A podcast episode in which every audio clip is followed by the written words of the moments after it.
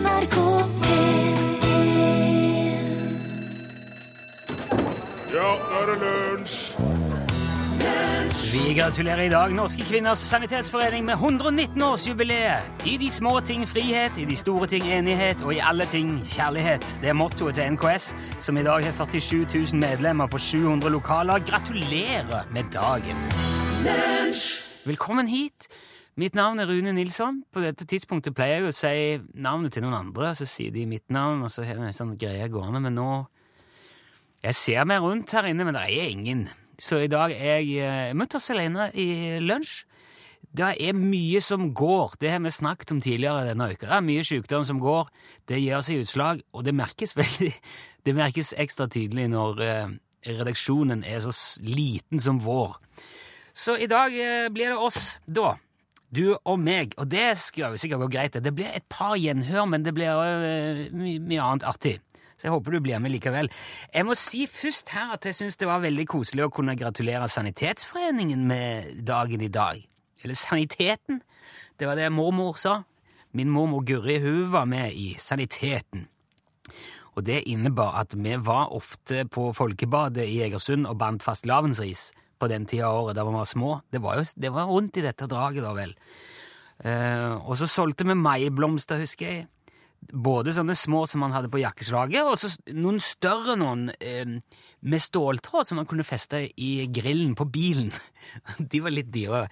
Jeg mener, jeg lurer på om vi ikke fikk noen øre òg, per blomst vi solgte for saniteten. Det, jeg husker ikke helt det, men det, det var det var uansett eh, Sanitetsforeningen, ja. Som jo fortsatt er en stor og høyst levende organisasjon, har jeg funnet ut. Som eh, Fredrikke Marie Kvam etablerte på denne dagen, altså i 1896 i Kristiania.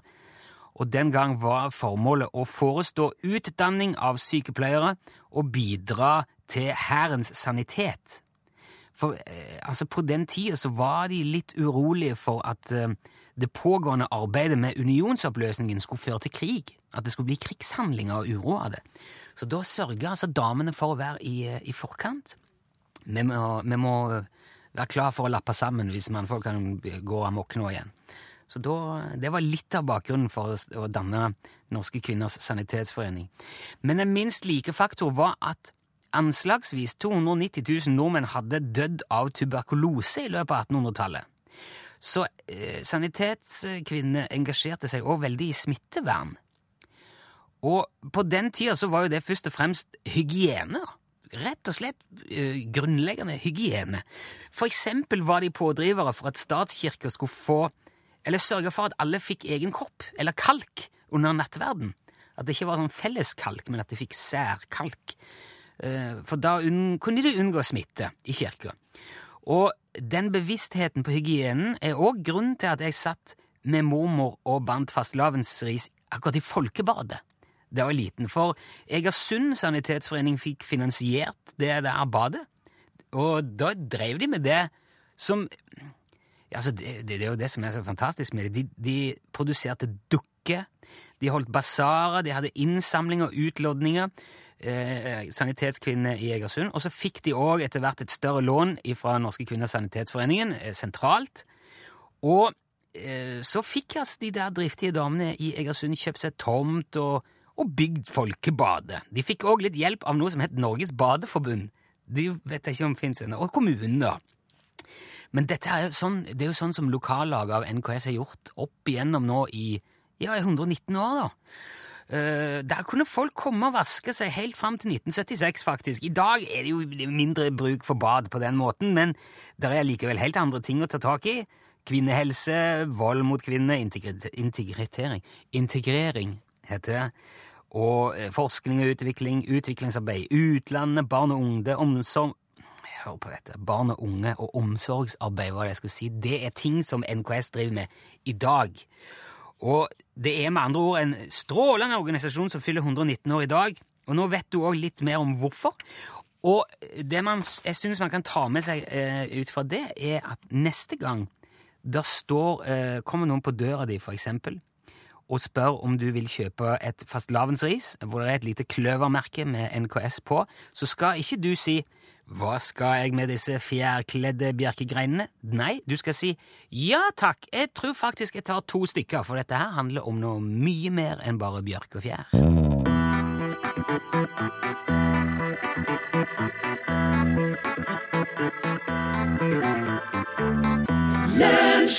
Det er mye snakk om eh, skismøring om dagen, og etter denne smørebommen nå i VM, så har vi fått en del henvendelser hit til lunsj òg, ifra eh, lyttere som lurer på om vi ikke kan ta tak i dette med skismøring, siden vi jo har kontakt med mye andre forskjellige folk med spesialkompetanse. Så jeg har drevet litt research nå denne uka, og har funnet faktisk fram til mannen som fant opp glideklisteret tilbake i 1959. Arnulf Langangen fra Hadeland, god dag. Ja, god dag, god dag, du. Ja, du må vel kunne sies å være ekspert på skismøring, Langangen? Landgangen? Nå, jeg har nå drevet med det i ganske mange år, da. Så det er klart at en plukker jo med seg et par småtriks på veien. Det gjør en jo. Ja, for jeg, jeg nevnte jo her at du fant opp glideklisteret i, i sin tid. Ja, det stemmer. Det Ja. var jo i 59. Det var før kretsmesterskapet på Lunder. Det var jo nærmest en tilfeldighet, men det er jo ofte sånn det er med den gode ideen. Men jeg har søkt litt etter glideklister før jeg ringte deg nå etter at jeg hørte om dette, men jeg har ikke klart å finne noe informasjon. Kan ikke du fortelle litt hva, hva det er for noe glideklister?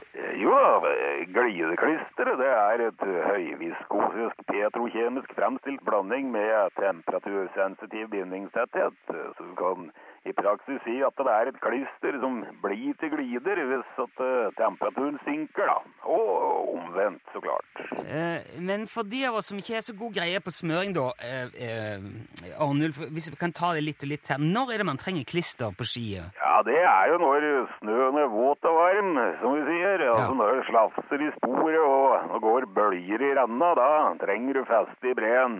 Men eh, er det kaldt i skauen og sprø snø, da trenger du harde ski som flyter fint oppå. Ja, ok, men, men den smøringen din, den gjør altså eh, begge deler, da? Ja da, ja da, den er jo som sagt temperatursensitiv, så den forandrer egenskaper etter temperaturen i sporet. Men er dette noe som det norske landslaget bruker på, på sine ski? Å nei, det, det gjør de nok ikke, nei. Nei vel.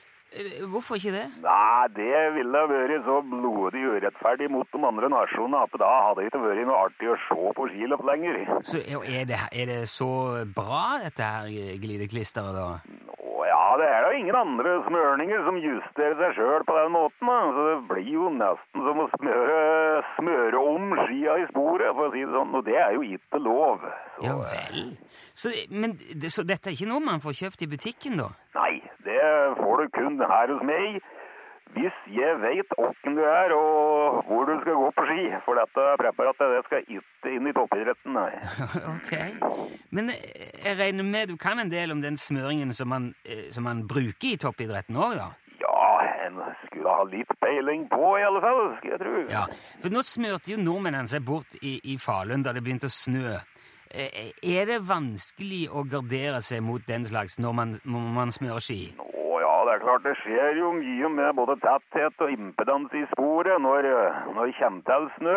Aha. Kan du alltid legge en basisk differansevoks med overlagsrenne, og så slipe den vertikalt for å sikre god glid, men det er jo oppoverbakker i disse løypa òg, da, og da er det jo fryktelig tungt når det glipper, så Men umulig er det jo ikke. Nei, men hvordan ville du sjøl smørt den dagen i Falun, eh, Arnulf? Ja, nå er det jo lett å være etterpåklok, så jeg skal ikke se hva de gjorde galt der. Men om de nå hadde planslipt midtsåla på høyreskia med 400 lumens alturisk finkornspapir, og så lagt ei renne med imitert andalusisk bevervoks med middels tetthet i kantstrekket der, og så kunne de heller opponert venstreskia i defensivt 60-40-mønster mot ytterkanten, for da ville satskanten uansett hatt friløp i motbakke.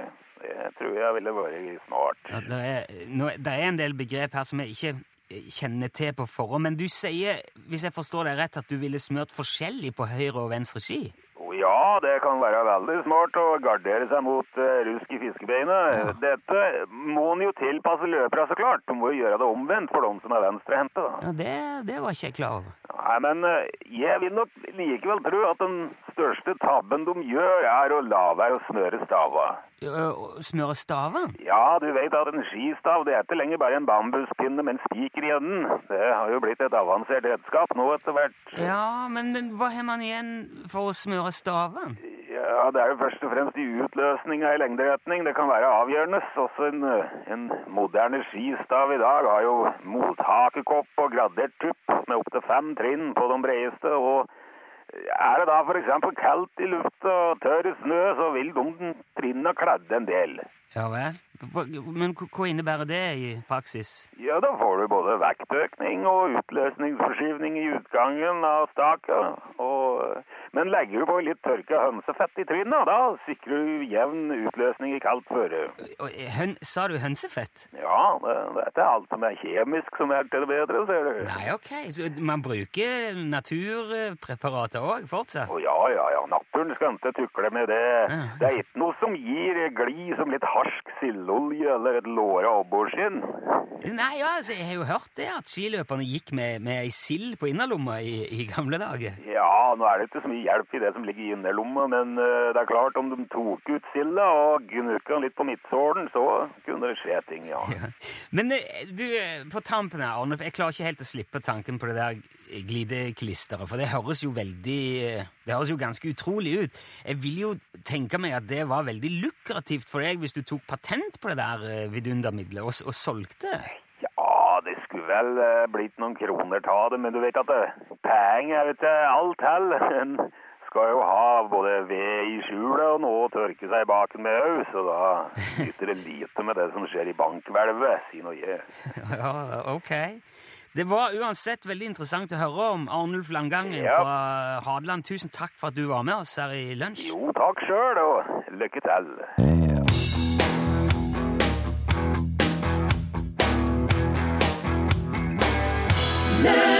La meg være ung. Ja, ja, ja, ja, ja. La meg være i fred. Ja, ja, ja, ja, ja. Ja, La meg være ung, da. Ja, ja, ja, ja. La meg følge med. Ja, ja, ja, ja. La det være stopp med din vrøvling om pop. Hopp! Du som ikke forstår, du som samler på år, og du som tramper og trår på en vei som er vår. Du, du er tung. Jeg er ikke tung, jeg. La Jeg meg bare- være, la meg være ung. Men jeg lar deg bare. Jeg steller deg bare. Min, min, øh, min musikk, den er ment for meg. Ja, det er den. Ja, spill så du det som passer deg. Men jeg gjør jo det, men jeg spiller ikke det her inne for deg. Hvem, hvem er du som vil stå mot deg? Jeg driver og vasker det her. Jeg vil være meg selv. Det er du. Hver eneste dag. Ja, la meg være ung, da. Yeah, yeah, yeah. Jeg vil velge min vei. Ja, jeg vil være ung, og ingen skygge av deg. Du er ikke det. Jeg vil være fri. Du er helt fri her. Ja, det er min melodi. Den kan du synge når du vil. Jeg vil. ta, jeg vil gi, jeg vil storme forbi.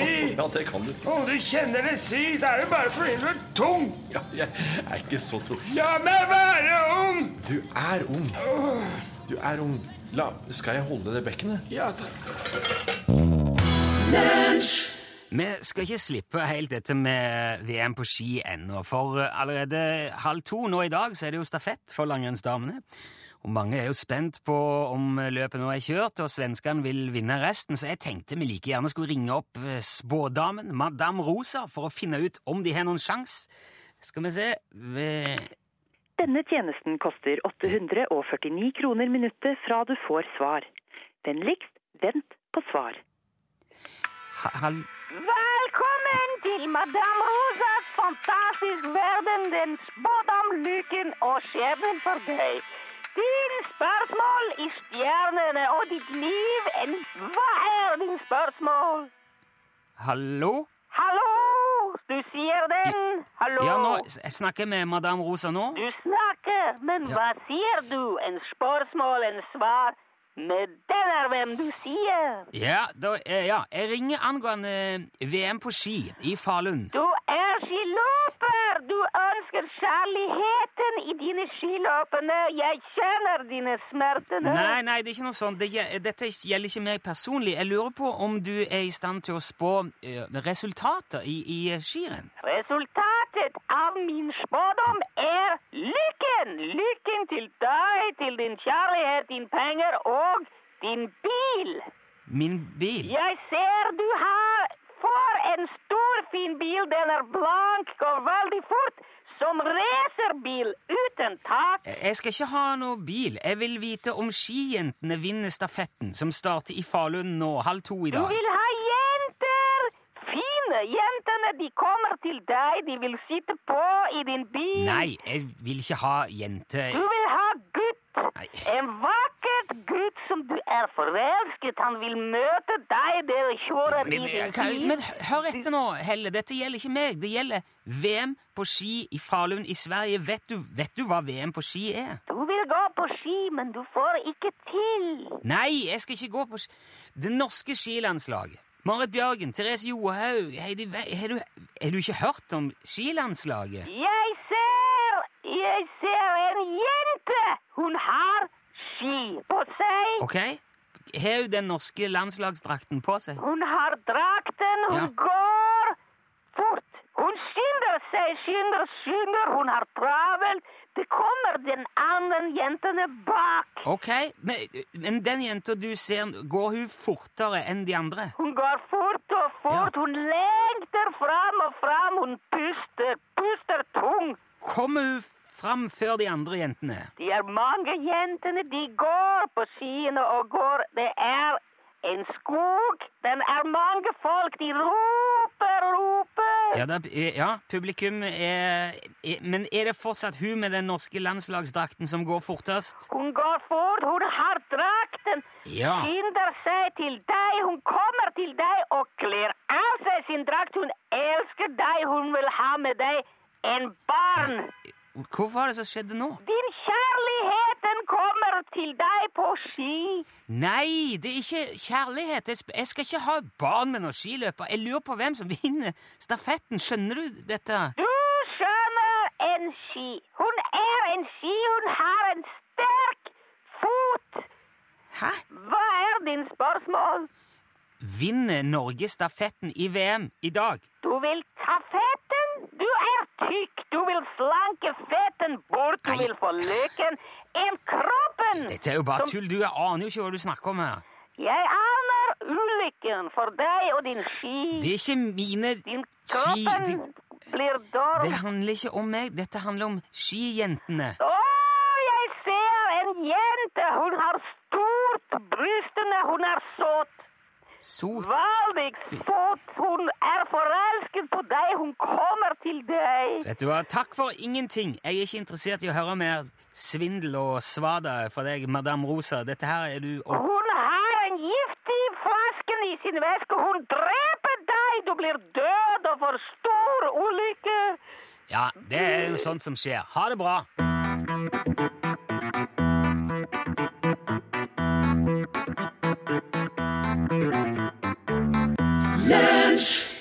Hvis du fikk med deg lunsj i går, så hørte du kanskje vår påstått samiske venn Jan Olsen fortelle om sine 120 000 lemen som hadde rømt, som han drev og sanka sammen. Han driver jo lemenoppdrett oppå på fjellet der. Og har jo angivelig navn på alle sine lemen. Og det fikk meg til å tenke på en reportasje som er sendt tidligere her i NRK. Så jeg gikk, jeg gikk en tur i arkivet igjen. For vi har sendt en sak angående lemen før. Eh, for de har det jo ikke nødvendigvis bare lett ute i naturen, spesielt ikke når det er lemenår. Nå vet man ikke helt hva, hvordan det blir i år ennå. Det er kanskje litt tidlig å se om det blir et, et eh, lemenår, men det året dette her ble sendt første gang, så var det definitivt uh, lemenår. Og jeg tror på mange måter så har de eh, Eller kan i hvert fall lemmene ha det bedre i fangenskap, og det skjønner man godt når man hører på denne reportasjen fra noen år tilbake. Jeg befinner meg nå under en knaus her i Jotunheimen, hvor Norsk Lemenforbund nettopp har avsluttet en pressekonferanse. Og jeg har med leder i forbundet, Lembert Lambert, Lambert. Lambert Fjellpels. Eh, Og du kom med en ganske klar oppfordring nå her i kveld. Ja, vi i Lemen er rett og slett lei av å bli stigmatisert og kategorisert som illsinte hissigpropper som herjer rundt i fjellheimen til menneskers forlystelse. Ja, Det må du forklare litt nærmere. Her. Litt nærmere Sonja. Eh, På hvilken måte føler dere at dere blir stigmatisert? Nei, altså, det er jo knapt mulig for et normalt oppegående voksent lemen å bevege seg rundt lenger. Altså, Overalt står det jo mennesker og erter oss opp og skal se når vi sprekker. Det er jo forferdelig. forferdelig irriterende. Skjønner du det? Er det rart vi blir forbanna? Det må da være mulig å kunne dra ut og hente seg litt mat uten å Ja. bli hersa med av folk! Ja, det skjønner jeg. Er det mulig å få et. Opp. Jeg skjønner. På hvilken måte føler dere lemen at dere blir eh, altså, hersa med, som du sier? Nei, eh, folk kommer jo gjerne mot oss da, ikke sant?